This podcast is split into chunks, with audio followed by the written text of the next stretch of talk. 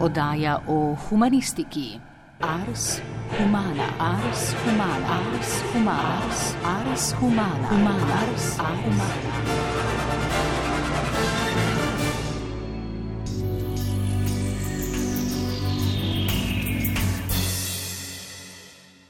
Današnja Ars Humana je namenjena naši prihodnosti. Tistim, ki bodo s posledicami odločitev, ki jih sprejemajo zdaj, živeli čez 20, 50, tudi 100 let. Tistim, ki bi morali zato soodločati o svoji prihodnosti. Vsaj tako naj bi bilo v teoriji. Ars Humana ob 30. rojstnem dnevu Slovenije daje glas tistim, ki so stari toliko kot naša država, mladim, odraslim. Vprašanj, ki jih odpira tema mladih in mladih odraslih, je nešteto. Poznamo jih. Eksistenčni položaj, naprimer poklicna uveljavitev službe oziroma položaj na trgu dela, stanovansko vprašanje. Vprašanja enakih možnosti za vse, zdravja, v zadnjem času predvsem duševnega zdravja, ustvarjanja družine oziroma odloženega starševstva, vprašanje politične participacije in podobno. A čeprav je položaj mladih in mladih odraslih ponekod res zaskrbljujoč, je namen te oddaje drugačen.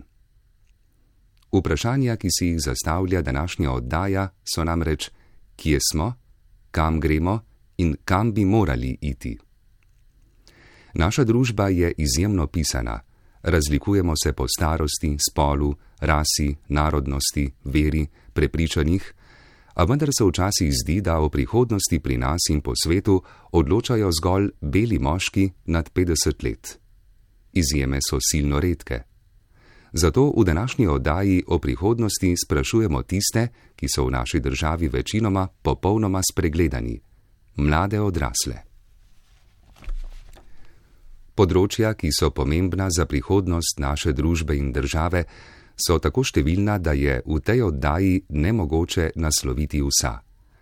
Avtorica oddaje Carmen Kogoj Ogris je identificirala tri, po njenem mnenju, ključna področja, ki prinašajo neznanske izzive, a hkrati lahko sprožajo pozitivne spremembe. To so okolje in trajnostni razvoj, duševno zdravje ter enakopravna in vključujoča družba.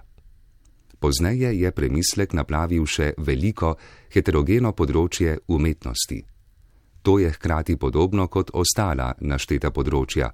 Tudi umetnost seveda lahko spreminja svet na bolje in hkrati drugačno, o ciljih, ki bi jih morali izpolniti, in strategijah za doseganje teh ciljev je seveda v umetnosti teže govoriti. Zato sta nastala dva ločena pogovora. V prvem delu oddaje bomo slišali pogovor s tremi mladimi strokovnjakinjami Uršo Leban, Niko Kovač in Niko Tavčar, ki je nastal v radijskem studiu. Nekaj dni pozneje pa se je avtorica oddaje v zavetju ljubljanske drame pogovarjala še z mladim dramskim igralcem Benjaminom Krnetičem. Oba pogovora dajeta v pogled v svet, ki bi ga moral po mnenju avtorice poznati vsak, ki danes, v tem trenutku, kroji jutrišnjo prihodnost.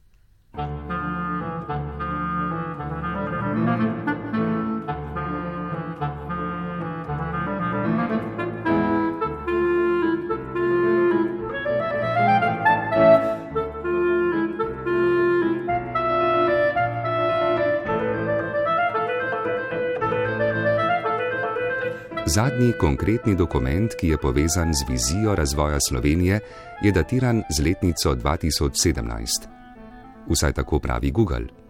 Se od takrat res nihče v naši državi ni vprašal, kakšna mora biti Slovenija čez naprimer 30 let, v kakšni družbi želimo živeti. Vsekakor se to sprašujejo gostje današnje oddaje. Nika Tavčar prihaja iz Umanotere, Slovenske fundacije za trajnostni razvoj. Urša Leban iz Društva študentov psihologije, aktivna je tudi v mladinskem svetu Slovenije. Nika Kovač je direktorica inštituta 8. marec. Um, v bistvu, če se navežem, morda kar ste na začetku izpostavili to strategijo um, razvo, oziroma vizijo razvoja Slovenije. Um, v Sloveniji, pa tudi drugotno, se mi zdi, da zelo dobro produciramo razno razne strategije, dokumente o tem, kje želimo biti. Pač cilje definiramo. Ne? Torej, dokumenti eni so dobri, eni so slabi, se ne pomeni, da so vsi slabi, sploh ne. Ampak ta ključni manjko pa je v tem, um, kako da tam priti in tega se dejansko um, odločevalci nas sprašujejo. Ne? Tudi ne samo v Sloveniji, tudi pa če gledamo na svetovno raven, gledamo pod, eh, pariški podnebni sporazum, ki je bil sprejet že leta 2015, v veljavo stopil leta 2016, letos novembra v Glasgowu bodo razpravljali o konkretnih ukrepih, ki bodo omogočili, da dosežemo cilje pariškega sporozuma. Torej, skoraj da šest let kasneje, ne, stanje se je eh, poslabšalo v tem času, govorimo o podnebnih spremembah, govorimo o nečem, kar ne bo čakalo na to, da bomo mi se odločili, ok, zdaj pa čez da ukrepamo. Uh, tako da, um, ja, nekako se mi zdi, da vseeno rada verjamem, da. Um, ljudje razmišljajo o tem, tudi odločevalci, ne? ampak um, bi pa rekla, da je en velik manjko, no? tako um, udejanjeno ni nekaj dosti, ne? ampak sama na to tudi gledam na način, da. Um, Se sistem, spremembe, spremembe niso ljudem nekako blizu ne? in jasno, pozicije moči um, ne želijo um, te moči predati naprej mm. in želijo ustrajati v tem. Um, Tako da je ja, zagotovo pa povezano tudi s temi gospodarskimi interesi, v tem, kako mi dojemamo okolje, kako dojemamo naravo, kako dojemamo svet okoli sebe, v bistvu ne samo eh, naravno okoli, tudi ljudi, kako dojemamo ljudi. Vse je ta sistem, v katerem smo izkoriščali v tem trenutku tako naravo kot ljudi. In um, ja, um, ljudem na pozicijah moči definitivno ni v interesu, da se to spremeni. Ne? Saj ne izgleda tako. No? tako čeprav strategije nakazuje na to, ampak kot sem rekla, dokler ne vemo, kako bomo do teh ciljev prišli, um, se potem človek res vpraša, ne, kakšen je smisel vsega tega. Rekla tako, da je nikam že kar fajn izčrpala to odgovor, oziroma že mi kar povzela nekaj besed iz jezika. Uh, tudi sama bi rekla, da upam in še vedno, kako rekla, uh, idealno razmišljam in, in upam na to, da dejansko nekoga zanima ta vizija, oziroma da dejansko odločevalce, ki sedijo za, za pogajalskimi mizami, ki imajo vse niti oziroma vajeti v rokah, da jih zanima. Ne? Nekako eh, mladi smo znani po tem idealnem eh, pozitivizmu, oziroma to, da stremimo k nekem pozitivni prihodnosti, da si idealiziramo prihodnost, bi lahko rekli. Um, ampak kljub temu, kot mlad človek, ki pa se manj za človeka, ki participira, ki je aktiven, um, ne opažam mogoče tok, te neke vizije oziroma naravnanosti k tem neki viziji, ki bi tudi zagotavljala, da bi mladi imeli neko prihodnost. Um, jaz kot mlad človek, ki živim v tej državi, zaenkrat ne vidim oziroma se mi ne zdi, da so prave prioritete na pravem mestu. Um, sploh, zdaj prihajam sploh z tega duševnega zdravja, oziroma z tega področja, um, tle sploh ne, ampak tudi na splošno, nimam, žal nimam tega občutka, no, vsaj ne trenutno. Um, in se mi zdi, da vse, vse prevečkrat v bistvu malo pozabljamo na to, da so vse to neki teki na dolge proge. Ne. Vse te stvari, ki jih bomo danes implementirali, ki jih bomo danes ustvarili, bodo pač ne, za naše vnuke, verjetno šele bili neki pozitivni učinki. Pa naj bo to okolje, pa naj bo to duševno zdravje, enakopravnost v družbi. Um, in vse te stvari trenutno manjkajo, za moje pojme, no? ali pa neki ukrepi, neki dejanski ukrepi. Ja, jaz mislim, da. Um ta neka pozitivna vsebina, neko vprašanje, kaj je tisto relevantno vprašanje današnjega časa, um, ki nam bo omogočilo dobro življenje, recimo čez 30 let, pa generacijam kasneje se pogosto skrije, zaradi tega, ker se mi zdi, da živimo v družbi, kjer moramo biti nenehno proti. Proti škodljivim zakonom, proti ukrepom vlade, proti um, nekim predlogom, ki tukaj in zdaj škodujejo ljudem in se mi zdi, da to kdaj um, zamegli prihodnost, zamegli neko um, moč in nek prostor za oblikovanje uh, nekih predlogov, um, konkretnih predlogov za izboljšanje življenja uh, kasneje. Um, po drugi strani pa se mi zdi, da tudi um, ta korona in epidemija zelo razkrivajo bedo sistema, v katerem živimo. Um, v zadnjem letu smo dobili več novih milijonarjev in na tisoče in tisoče novih mladih, ki živijo pod pragom revščine. Uh, v zadnjem letu uh, smo dobili vedno več uh, pogleda v to, kako deluje korupcija in vedno več pogleda v to, da nekateri študenti z dodatkom v višini 150 evrov pač ne morejo preživeti. In v zadnjem letu se mi zdi, smo dobili jasen pogled v to, da trenutna oblast, in jaz tudi sem kritična do oblasti predtem, um, absolutno ne ve, kaj narediti z mladimi odraslimi, kako se lotiti vprašanja prekernosti, kako pomagati samo zaposlenim in kako nuditi pomoč tistim, ki nimajo nekih varnih oblik zaposlitev. Kaj pa je pozitivno, um, pa se mi zdi, da smo iz tega nekega obupa, občutka nemoči, uh, izoblikovali sami neke mehanizme uh, vplivanja na obstoječe uh, razmerja moči. In ta neka moč, ki se je zgodila v zadnjem mesecu, daje meni upanje, da se je začelo neko novo obdobje civilne družbe, civilne družbe, ki bo aktivno posegala v same postopke in bila nek korektor in ta nek glas, ki oblast potiska, ne glede na to, v katero barvo je oblečena oblast, uh, v smer neke socialne in pravičnejše družbe. Zdi se, da v naši državi prevladujeta dva pola, kadar mladi in mladi odrasli spregovorijo. Nekakšno paternalistično, blagohotno gledanje, v smislu: pusti jim, saj ne vedo, kaj delajo, vsi delamo napake, jih bo že izučilo, ali pa kaznovanje in utišanje. Mladi so vedno imeli znanje, ideje in zagon, ki so ogrožali vsakokratne nosilce moči, bili so generator napredka. So danes zato namenoma ovirani pri vstopu v družbeno in politično življenje? Nika Kovač, Urša Leban, Nika Tavčar. Ja, mm, jaz mislim, da predvsem nek ta koncept mladosti um, je pogosto tudi neka tržna niša pri pisanju razpisov, neka tržna niša pri uveljavljanju, neka tržna niša, um, da v resnici nekoga vključaš kot kvoto v neko, neko debato, um, potem pa ga v resnici prezreš. Jaz veliko rajš kot na neko um, poenoteno skupino mladih odraslih gledam na um, ljudi kot na ljudi z nekimi prepričanji, z nekim programom, z nekimi stališči. In jaz sem prepričana, da takrat kadar si preprosto vzamemo to moč um, in pri tem moramo veliko bolj garati kot ljudje, ki so recimo beli moški 50 let um, in ko jasno izrazimo svoje stališča, uh, se nas lahko sliši in lahko premikamo stvari.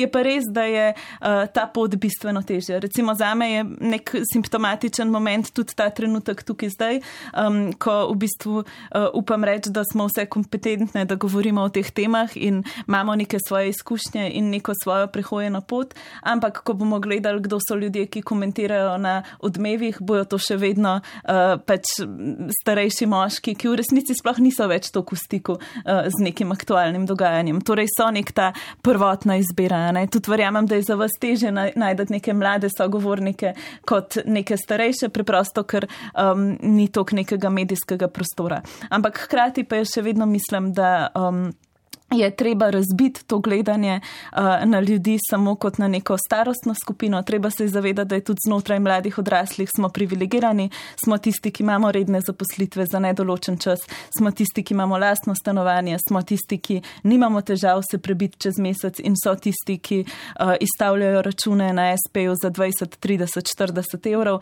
in ne morejo preživeti. Torej, jaz sem proti nekemu temu uh, pogledu, ki uh, gleda samo na starost, ampak je vedno treba treba upoštevati tudi neko premožensko stanje, neke razlike znotraj tega.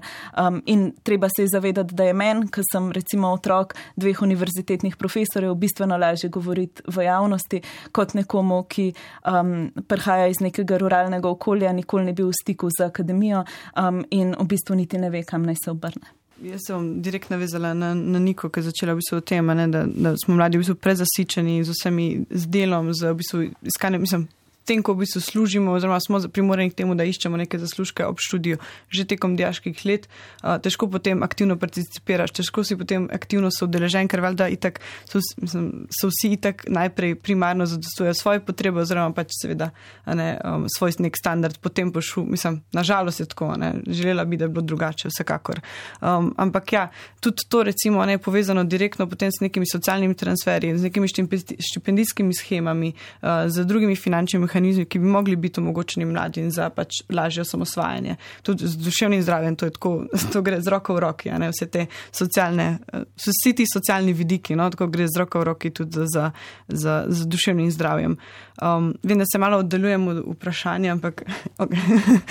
um, no, in se v glih to reči, da po eni strani, zakaj nismo. Um, zakaj nismo soudeleženi, oziroma zakaj mogoče nismo povabljeni v neko to družbeno politično življenje. Prva stvar je itak, ja, mislim, nismo močno volilno telo, to je jasno in zato nas pač nobene ne govarjajo, oziroma nismo videni kot neko potencialno um, kako reka, ja, pač kot neko volilno telo, ki bi nas bilo treba nagovarjati, kljub temu, da ne, če gledamo malo strateško in trajnostno gledano, bomo prej se neki voljivci, mislim, starejši voljivci, ki pač ne, uh, bomo tudi volili in bomo imeli večjo politično moč v končni fazi. Uh, drugo, kot drugo pa glih to, zmanjševanje štipendij, zmanjševanje vseh teh socialnih transferjev, to, da morajo mladi zdaj zelo več delati, vse te, od evroštudenta do mladina 22, ki je prišel kar ven, vse te stvari kažejo prekarnost, kot reka, smo eni izmed celo najvišja država v, v Evropi po prekarnosti. Vse to nakazuje na to, da morajo mladi v bistvu stalno se ukvarjati s tem, eh, kje bodo prišli do nekega rednega zaslužka, kako bodo prišli do nekih uh, služb in vseh ostalih stvari. Seveda, kako potem človek, ki je izmučen, ki je pri svojih 30-ih že doživljal izgorelost zaradi 15 tisočih projektov, kako bo potem participiral, kako ga bo potem zanimalo vse te više vprašanja družbe. Mislim, to so vse stvari, ki so direktno povezane z, z tem, kako smo aktivni v nekem civilni družbi oziroma v nekem družbenem političnem življenju. Ja, jaz bi kar um, se strinjala z vsem, kar ste sogovornice že povedali. No, mogoče bi izpostavila to, da nismo utišeni. Bom rekla, ml samo mladi, ne utišene so zelo raznolike družbene skupine, ne, ni nobenega dialoga, ne s starejšimi, ne s hendikepiranimi, ne s, pod, ne s podnebnimi begunci, pa nasplo, tudi nasplošno s begunci, pač enostavno ni nobenega socialnega dialoga um, z te pozicije moči. Um, ampak um, tako no.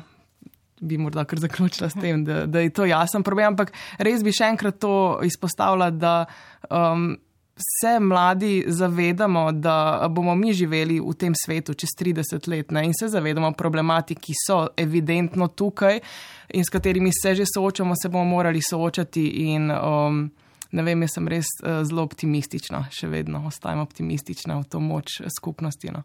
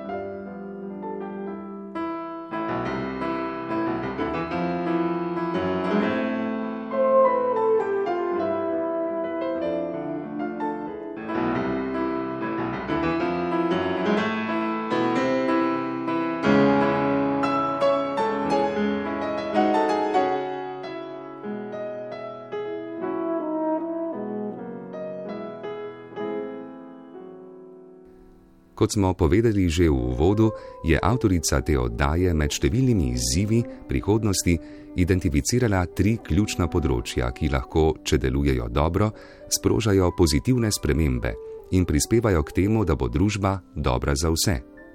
To so okolje in trajnostni razvoj, duševno zdravje ter enakopravna in vključujoča družba. Vprašanja, ki jih je zastavila svojim gostjam, so: Kaj so ključni izzivi in cilji Slovenije na vašem področju? Kako se vaše področje povezuje v neko širšo sliko življenja v naši državi? Kaj lahko doda k dobri sliki Slovenije, da bosta naša država in družba ter ljudje, ki živimo v njej, v dobri kondiciji? Urša Leban, Nika Tavčar, Nika Kovač.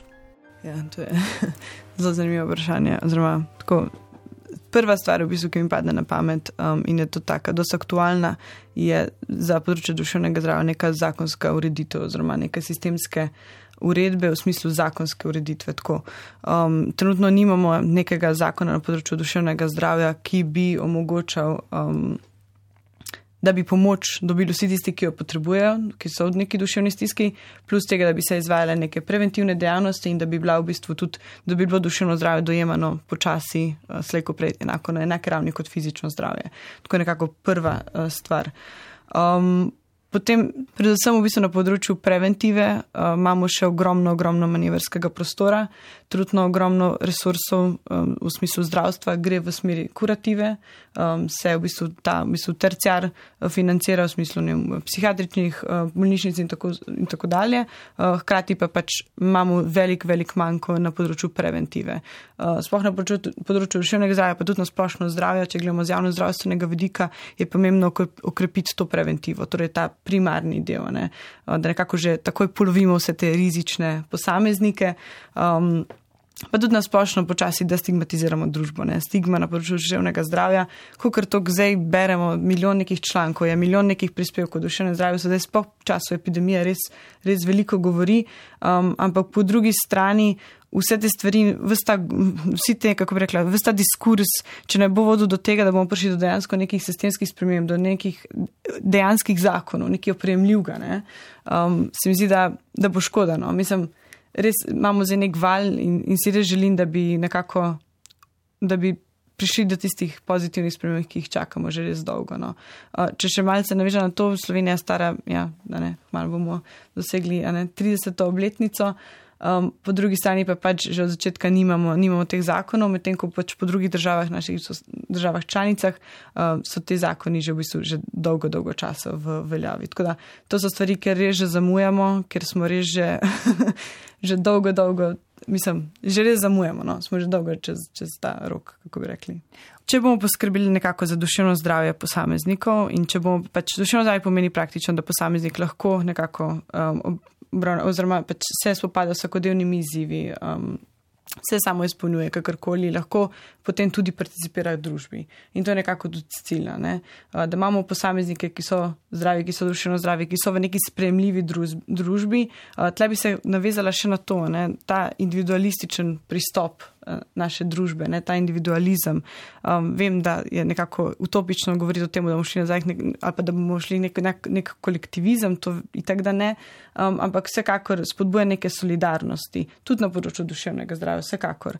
Um, ta individualizem zelo trenutno spodbuja neko tekmovalnost, spodbuja to, da se imajo ljudje ful veliko, trenutno je ful želja. Mislim, vse spodbuja ta um, samoaktualizacijo, da vsak izpolnjuje neke svoje interese, svoje ideale, hkrati pa pač to spodbuja neko tekmovalnost v družbi. Ne? In ta tekmovalnost, mislim, nikoli ni glih pozitivna, ne? spodbuja. Neke, to, da se ljudje počutijo poraženci. Če se počutiš, da si poražen v življenju in ne dosegaš nekih ciljev, ki ti jih družba narekuje, ne, se to potem odraža tudi na področju duševnega zdravja in posledično potem tudi v, v tem, kako želiš biti soudeležen v družbi, v civilni družbi, kako želiš participirati. Uh, tako da to je ta neka širša slika, no, ki bi rada dala z področju duševnega zdravja. Zakaj je pomembno nekako skrbeti za duševno zdravje, ker se potem to vsekakor odražalo potem tudi na drugih vidikih uh, družbe ključni izziv zagotovo podnebna kriza ne? in s njo povezana ekosistemska kriza, krizi, ki definirata današnji čas in boste definirali prihodnost tudi. Ne? Se že vidimo v tem trenutku um, posledice podnebnih sprememb. To leto pozebe, izredno topo februar, spremenjajoče vreme.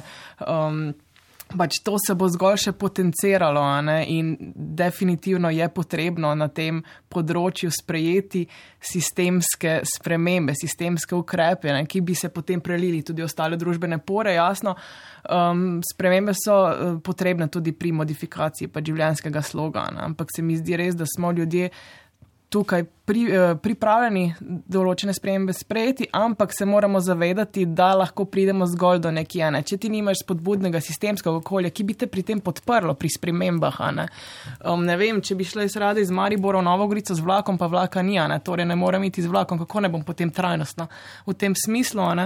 Um, in um, se mi zdi, da se bo, mislim, jasno je, da se bo v prihodnosti to zgolj še poglabljajo. Pač mi se v bistvu morda odločevalci izgledajo, kot da se ne bi čisto zavedali, kaj podnebne spremembe prinašajo sabo, ne? da govorimo o podnebnih migracijah, da govorimo o problemih pri uh, pridelavi hrane, pri oskrbi s hrano.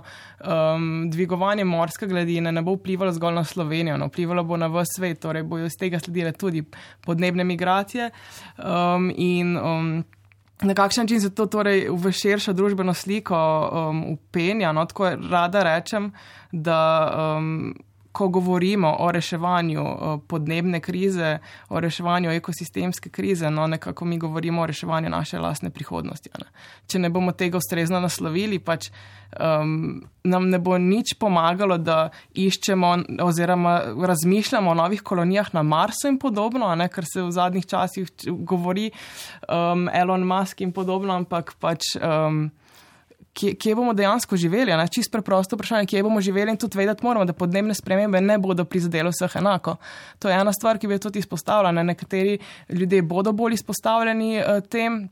In bodo se še povečevale že očitne te socialne razlike med nami. Um, pa še tretjo stvar um, bi tukaj izpostavila to, da smo um, države globalnega severa, pa smo odgovorni, zgodovinsko smo odgovorni za to, kar se v tem trenutku dogaja. Tako, odgovorni smo uh, za migracije, katerim smo priče. Nismo neka izolirana točka, ki, bo, ki, pač, um, ki, lahko reče, ok, sedaj se bomo pa kar distancirali od vsega. Ne? Pač ne. Sprejeti moramo odgovornost um, za, za to pač, in sodelovati um, širše tudi na tem področju. Ja, jaz se spomnim, uh, v času pač prve Cerarjeve vlade uh, sem spremljala ta proces, kako so si poslanci dvigovali plače. Vsi razen ene poslanske skupine so glasovali za to in jaz se spomnim svojega takratnega ogorčenja, pač kako morajo ti ljudje narediti to um, v času, ker je bilo že jasno vidno, da se vzpostavlja močen uh, razred uh, prekercev, ki pač živijo pod pragom revščine, v času uh, prekarizacije inflacije in v času tega, ko pač ljudje nimajo. Ne? Trenutno spet uh, spremljamo drugo vlado, desno vlado, če se je tista tretirala kot neka leva sredinska, uh, ki sprejma zakon, ki bo um, dal denar uh, strani države in davčno razbremenil najbogatejše um, in hkrati je to oblast, ki je dala študentom samo 150 evrov pomoči v času najhujše epidemije in jih metala iz študentskih domov. Kaj to nakazuje? Uh, dokler bomo živeli v neoliberalni družbi, si bojo take in drugačne vlade dvigovale plače, ta trenutna oblast pa še zastrahuje, um, je nasilna do protestov protestnikov um, in uh, v bistvu um, na dnevni razi, ravni č, um, v bistvu krš človekove pravice. Dokler ne bomo odpravili v družbi um, sistema, ki bo vedno z različnimi obrazi in različnimi taktikami uh, krepil razred bogatejših in delal en sklop ljudi revnejši, v bistvu ne bomo živeli v družbi enakopravnosti, ne bomo živeli v družbi neke podnebne pravičnosti, ne bomo živeli v družbi duševnega zdravja. In jaz mislim, da to je tisto, kar moramo nenehno artikulirati, na to upozarjati in se proti temu boriti, tudi če kdo izmed nas kdaj pride na kakšno pozicijo, kjer si bo lahko dvignil plače. Kateri so temelji, ki morajo biti izpolnjeni za uresničevanje teh ciljev? Kaj nam trenutno uspeva, če sploh kaj? Gostje odgovarjajo. V resnici mi smo jih prejšnji teden slavili redefinicijo kaznivega dejanja posilstva, um, ki je primer, kjer se je v resnici združilo najprej prostovoljci in ljudje na terenu, potem pa tudi celotna politika. In uh, v resnici v tem nekem našem dosedanjem delu, ki se je pogosto zdel kot nek boj z mlini na veter na področju spolnega nadlegovanja in nasilja, je bila to izjemno pomembna zmaga in izjemno pomemben trenutek. Uh, nauk njega pa je to, da do tega ne bi prišlo, če bi bila tukaj samo politika in če ne bi naredili Mihaloja uh, po mestih, po vaseh, po medijih. Zaradi tega, ker to jih je prisililo v neko delovanje. In jaz mislim, da je to nauk za naprej, za vse zakone, za vse spremembe spremembe, um, ki, za katere se bomo v bistvu uh, prizadevali. Ne? Tako da recimo to je uspelo in to je ena zgodba in lepa popotnica za naprej. Jaz se bom mogoče, sem sama z svojega področja strokovnega, mogoče trenutno nimam še nekih, kako bi rekla, toliko veselih novic, ker mogoče trenutno nika, vsekako trusitka tudi za te, za te zmage, ki sem se da vsem ostalim, ki delamo v drugih področjih, dajo ful velika upanja, da borbamo, da borbamo, borbamo naprej.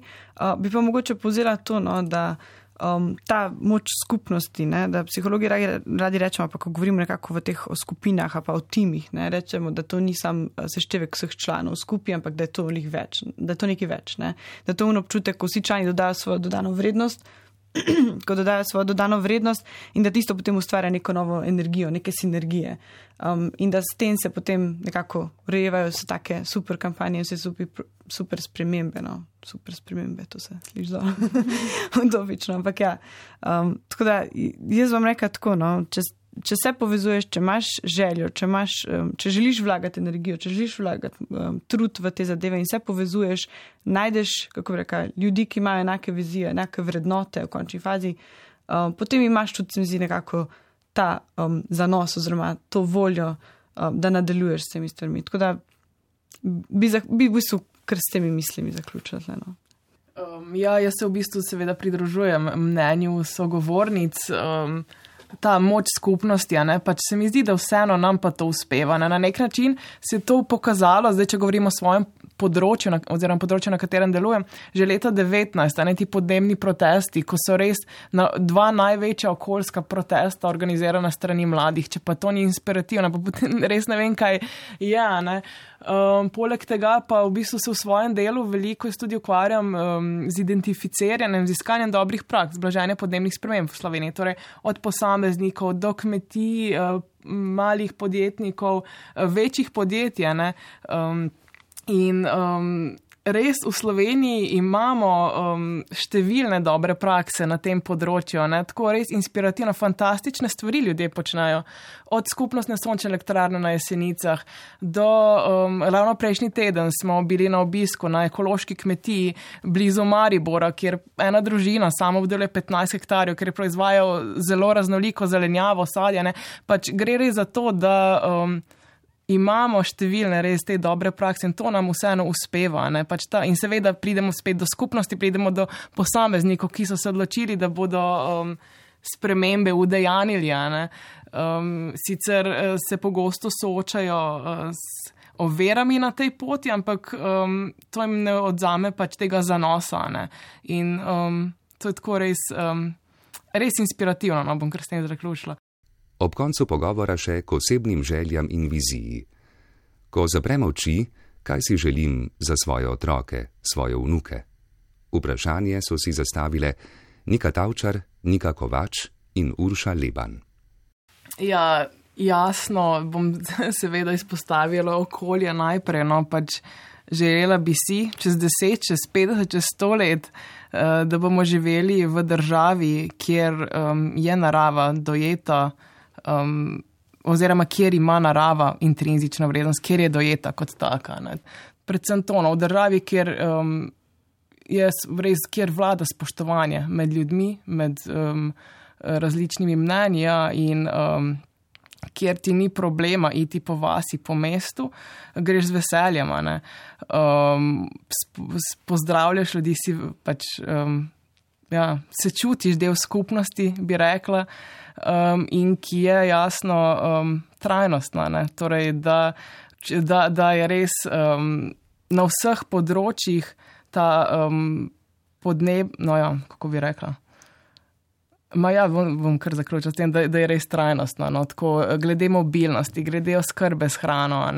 Um, torej, um, ker bi res to poudarila, ko ljudje pogosto ko razmišljajo, ko razmišljamo o neki prihodnosti, pa zraven damo podnebne spremembe, um, vsi mislimo, da bomo živeli slabše, če bomo kakšne spremembe sprejeli, ampak ne, pač živeli bomo lahko boljše. Ne? Pač kdo pa ne želi iti v službo na, en, na vlaku, ker imaš čas, da pač ali zaspiš ali kaj prebereš, kdo bi to zamenjal za um, stanje v vrsti v, v, v, v, na avtocesti, naprimer, ne, tako v tem smislu. Um, tako no. Um, ja. Meni se v resnici zdi, da je vedno treba vzpostaviti neko distinkcijo med oblastjo in med državo, in država so ljudje. In jaz ful verjamem v ljudi in verjamem v neko solidarnost in verjamem v neke obče vrednote, ki se mi zdi, da jih v naši državi ljudje imamo. In kar je moja vizija za deset let in kar jaz tudi želim, da bi inštitut 8. marec delal, je to, da bi ljudem dal glas, da bi jim dal možnost izraziti svoje neko željo po drugačni družbi, svoje zahteve.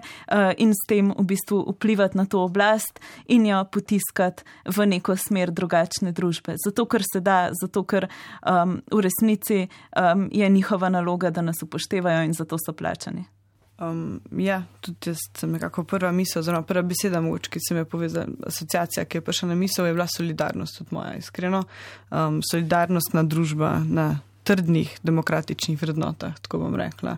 Um, želim si, ja, seveda, da, da, da ko si zamišljam, ne vem, Slovenijo čez 10, 50, 100 let, um, da bodo to, ne vem, naši otroci, moji vnuki v končni fazi lahko nekoč uh, živeli v družbi, kjer bodo mladi bili slišani, upoštevani, uh, kjer jih ne bo rablo biti strah, da se oglasijo, ko jim nekaj ne bo prav v redu, s čim, nekaj, s čimer se ne bo strinjali. Um, In hkrati, da se tudi na področju duševnega zdravja premaknemo iz tega, da nekako um, mislimo, da bodo vse te, ne vem, kako reka, uh, vse te pozitivne uh, psihologije v smislu self-helpov, pa vsega tega, kar je zdaj zelo popularno, ne, vse te, um, kako bi rekla, triki, da se premaknemo iz tega, no, da, ko, da se zavedamo, da se premaknemo iz te točke, ko vemo, da neke te. Um, pozit, ja, da neka ta pozitivna psihologija ne bo rešvala nekih sistemskih manjkotov, ki so nastali preko desetletij. No? In res naredimo tiste korenite spremembe, ki jih čakamo že dolgo časa. Uh, pa še ena stvar se mi je utrnila na poti, ko sem razmišljala o tem, uh, strategija za, za mlade. Ne? Neka strategija, ki bo dejansko, uh, kot je bilo že prej rečeno, uh, naredila te socialne korektive, da bomo imeli vsi ta isti starting point, ne? kar je nekako smisel želja da živimo tej, kar je tudi nekako bistvo solidarne družbe v končni fazi. No.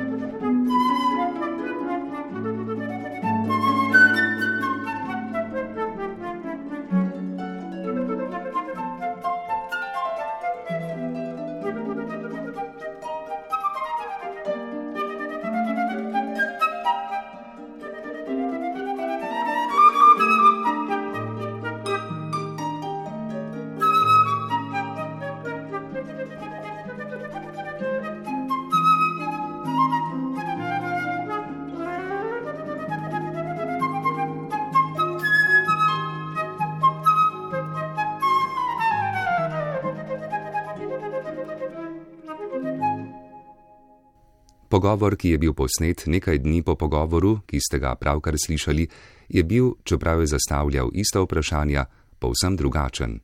Najbrž zato, razmišlja avtorica, ker je polje umetnosti, če tudi se nesporno preliva v druga polja družbe, specifično. Merljivost uspešnosti umetnosti je pa zelo vprašljiva ali pa zato, ker je sogovornik, član igralskega ansambla SNG drame Ljubljana Benjamin Krnetič, dovolil nepričakovano globoko pogled v svoje razmišljanja in doživljanja. In nastal je, pravi avtorica, neke vrste filozofski pogovor o smislu. Najprej o vprašanju, v kakšni državi bi morali živeti in kdo bi se moral to spraševati. Benjamin Krnetič. Ja, jaz sem blazno neoptimističen. No? Jaz sem včeraj gledal to predstavo, zadnjo ponovitev predstave Republike Slovenije v mladinskem gledališču. In je to ena fenomenalna postavitev in fenomenalna izvedba. Um, ampak sem bil uh, zelo de zdeprimiran. No? Iz razloga, ker se mi zdi, da ta predstava, ki govori dobesedno o uh, trgovanju z orožjem in aferi Depalavas in tako naprej, se pravi o teh. Um, vrhunc, vrhu, vrhunc, vrhu, vrhuncih uh, tranzicije, bi rekel. Um, in se je res pokazalo, kako zelo je ta predstava v bistvu aktualna danes, mogoče še bolj, kot ko je bila postavljena prvič, mislim, da 2016 ali 2015, nekaj tazga. In zdeprimirajo me je zato, ker sem pač uh, vzrl te strukture moči, ki so pač uh, tako trdovratne. In so pač dobesedno iste. Spravo govorimo o istih ljudeh in istih obrazih in um, o istih principih poslovanja. Um, in me blazno frustrira to dejstvo. Pač. Um, in zelo, zelo v bistvu um, se mi zdi, da živimo v enem težkem trenutku, zato ker, ker nimam odgovorov na ta vprašanja. To me v bistvu mogoče najbolj um, frustrira. Jaz ne morem razmišljati o prihodnosti v resnici. Zato, ker tudi o tej um, schizofreni sedanjosti težko razmišljam. Ne? Se pravi, delo, ki ga moram uložiti v analizo informacij, je neko neplačeno delo v resnici. Um, in zelo težko s prstom pokaž, pokažem na to, kaj je res, kaj ni in kaj naj bi veljalo kot, veljalo kot nek uh, moralni postulat ali pa uh, nek dejavnik, ki bi lahko pomenil dejavnik moje identitete ali pa nekaj, za kar bi se um, lahko prijel. Včeraj me je ena frendica, oziroma frendica, kolegica, s katero sem tudi imel en intervju, spraševala o ponosu. Zato, ker zdaj je 30. obletnica osamosvojitve, um, 30. obletnica mojega življenja in v navezavi na državo, v kateri živim, me je spraševala o ponosu v smislu ponosa, ki je bil nekako um, um, razgrnjen kot, neko, kot nek sentiment ob tej osamosvojitvi. Um, in mi je bizarno, ker jaz teh občutkov ne razumem, ne poznam, uh, ne vem, kaj bi si o njih mislil, zmeden sem. Um, jaz načeloma bi rad verjel v neko možnost neke pač enakopravne družbe, uh, v neko družbo bi rad verjel, ker pač imamo uh, enakopravne možnosti uh, in v neko družbo, kjer se politična ekonomija odvija na način, da zminimalizira oziroma izniči pač izkoriščanje. Ne. Ampak to je, to je blatantna utopija. Ne.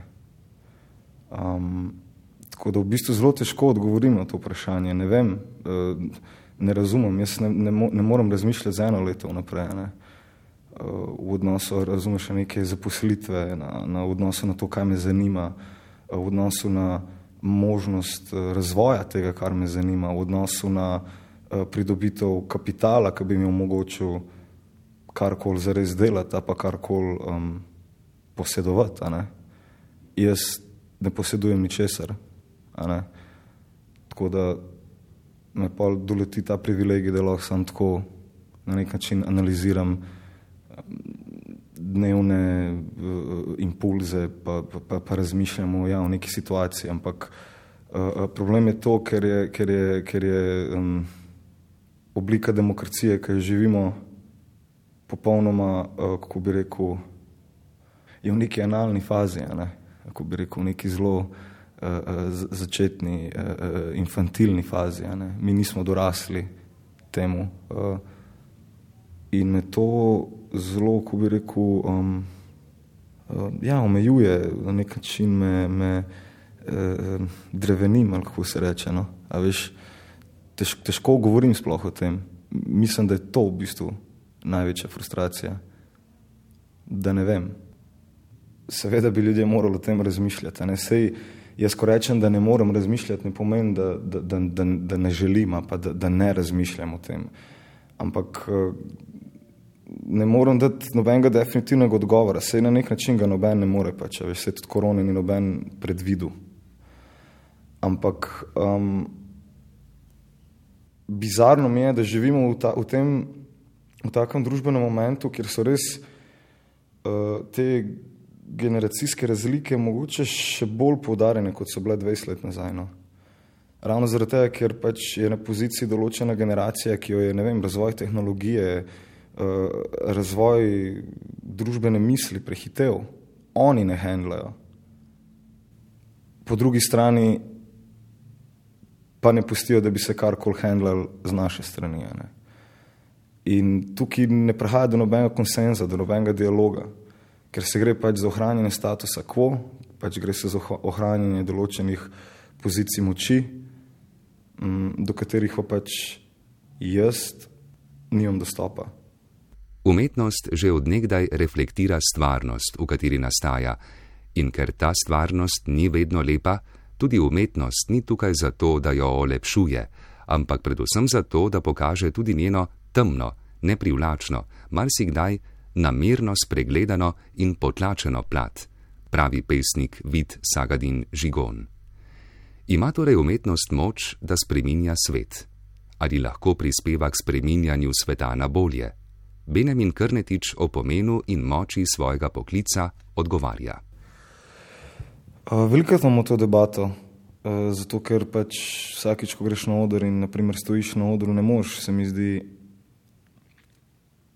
izpolnjevati nekega potencijala ali pa iskati nekega dogodka ali pa neke prezence svoje, če ne verjameš, da ta prezenca oziroma dogodek lahko razgali nekaj, kar do tistega trenutka ni bilo vidno in to lahko sproži spremembo mogoče v, nek v nekomu na intimnem mikronivoju. Um, dejstvo pa je, da pač živimo tudi v postindustrijski družbi še vedno.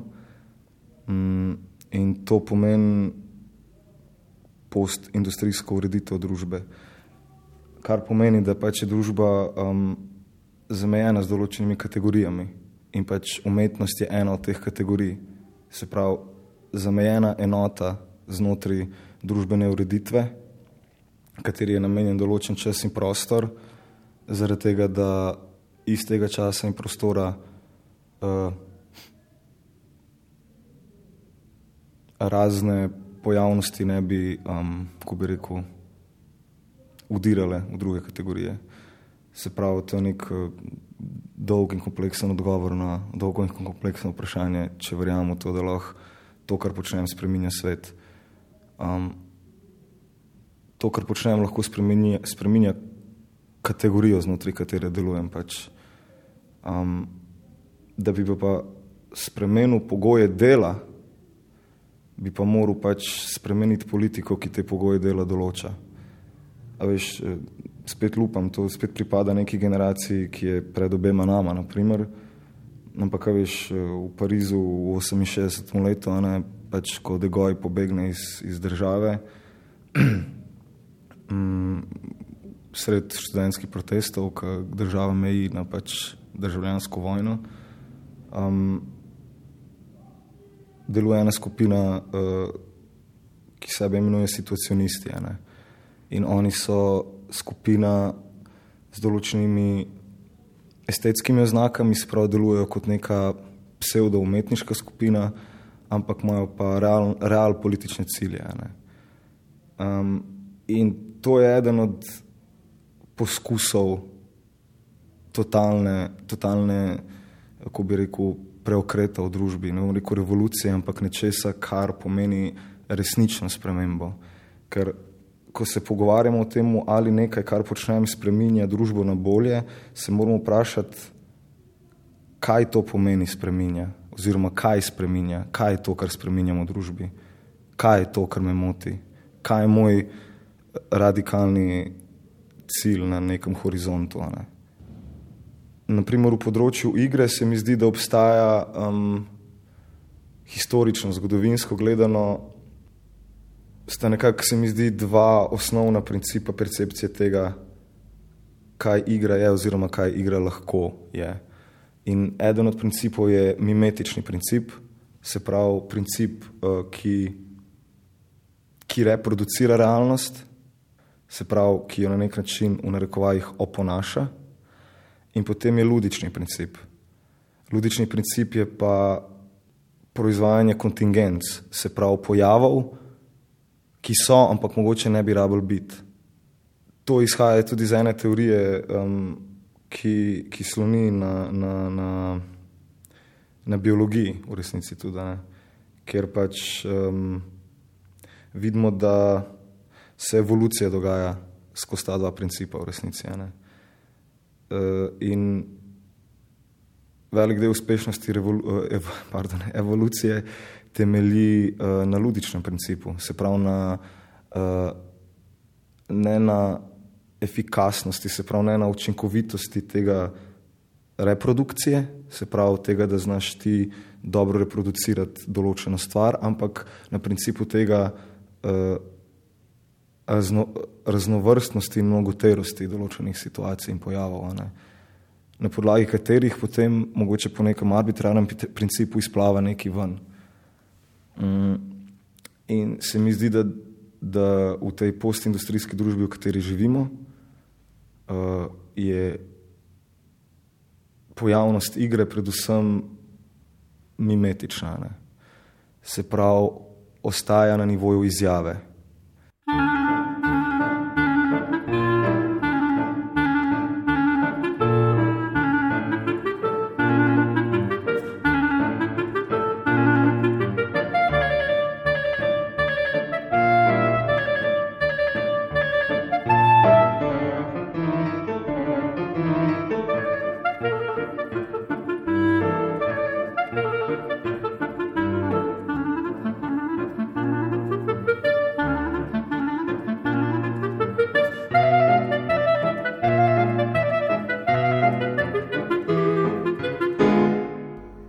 Drage poslušalke in poslušalci, današnja Ars Humana je ob rojstnem dnevu Slovenije dala glas mladim odraslim, tistim, ki so stari toliko kot naša država.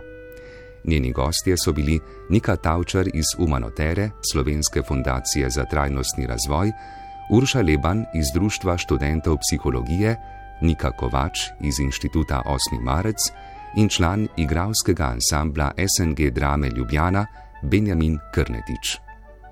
Avtorica oddaje Karmen Kogoj Ogris, bral Bernard Stramič, tehnična izvedba Vito Plavčak. Oddaja o humanistiki. Ars humana, ars humana, ars humana, ars humana, ars humana, ars humana.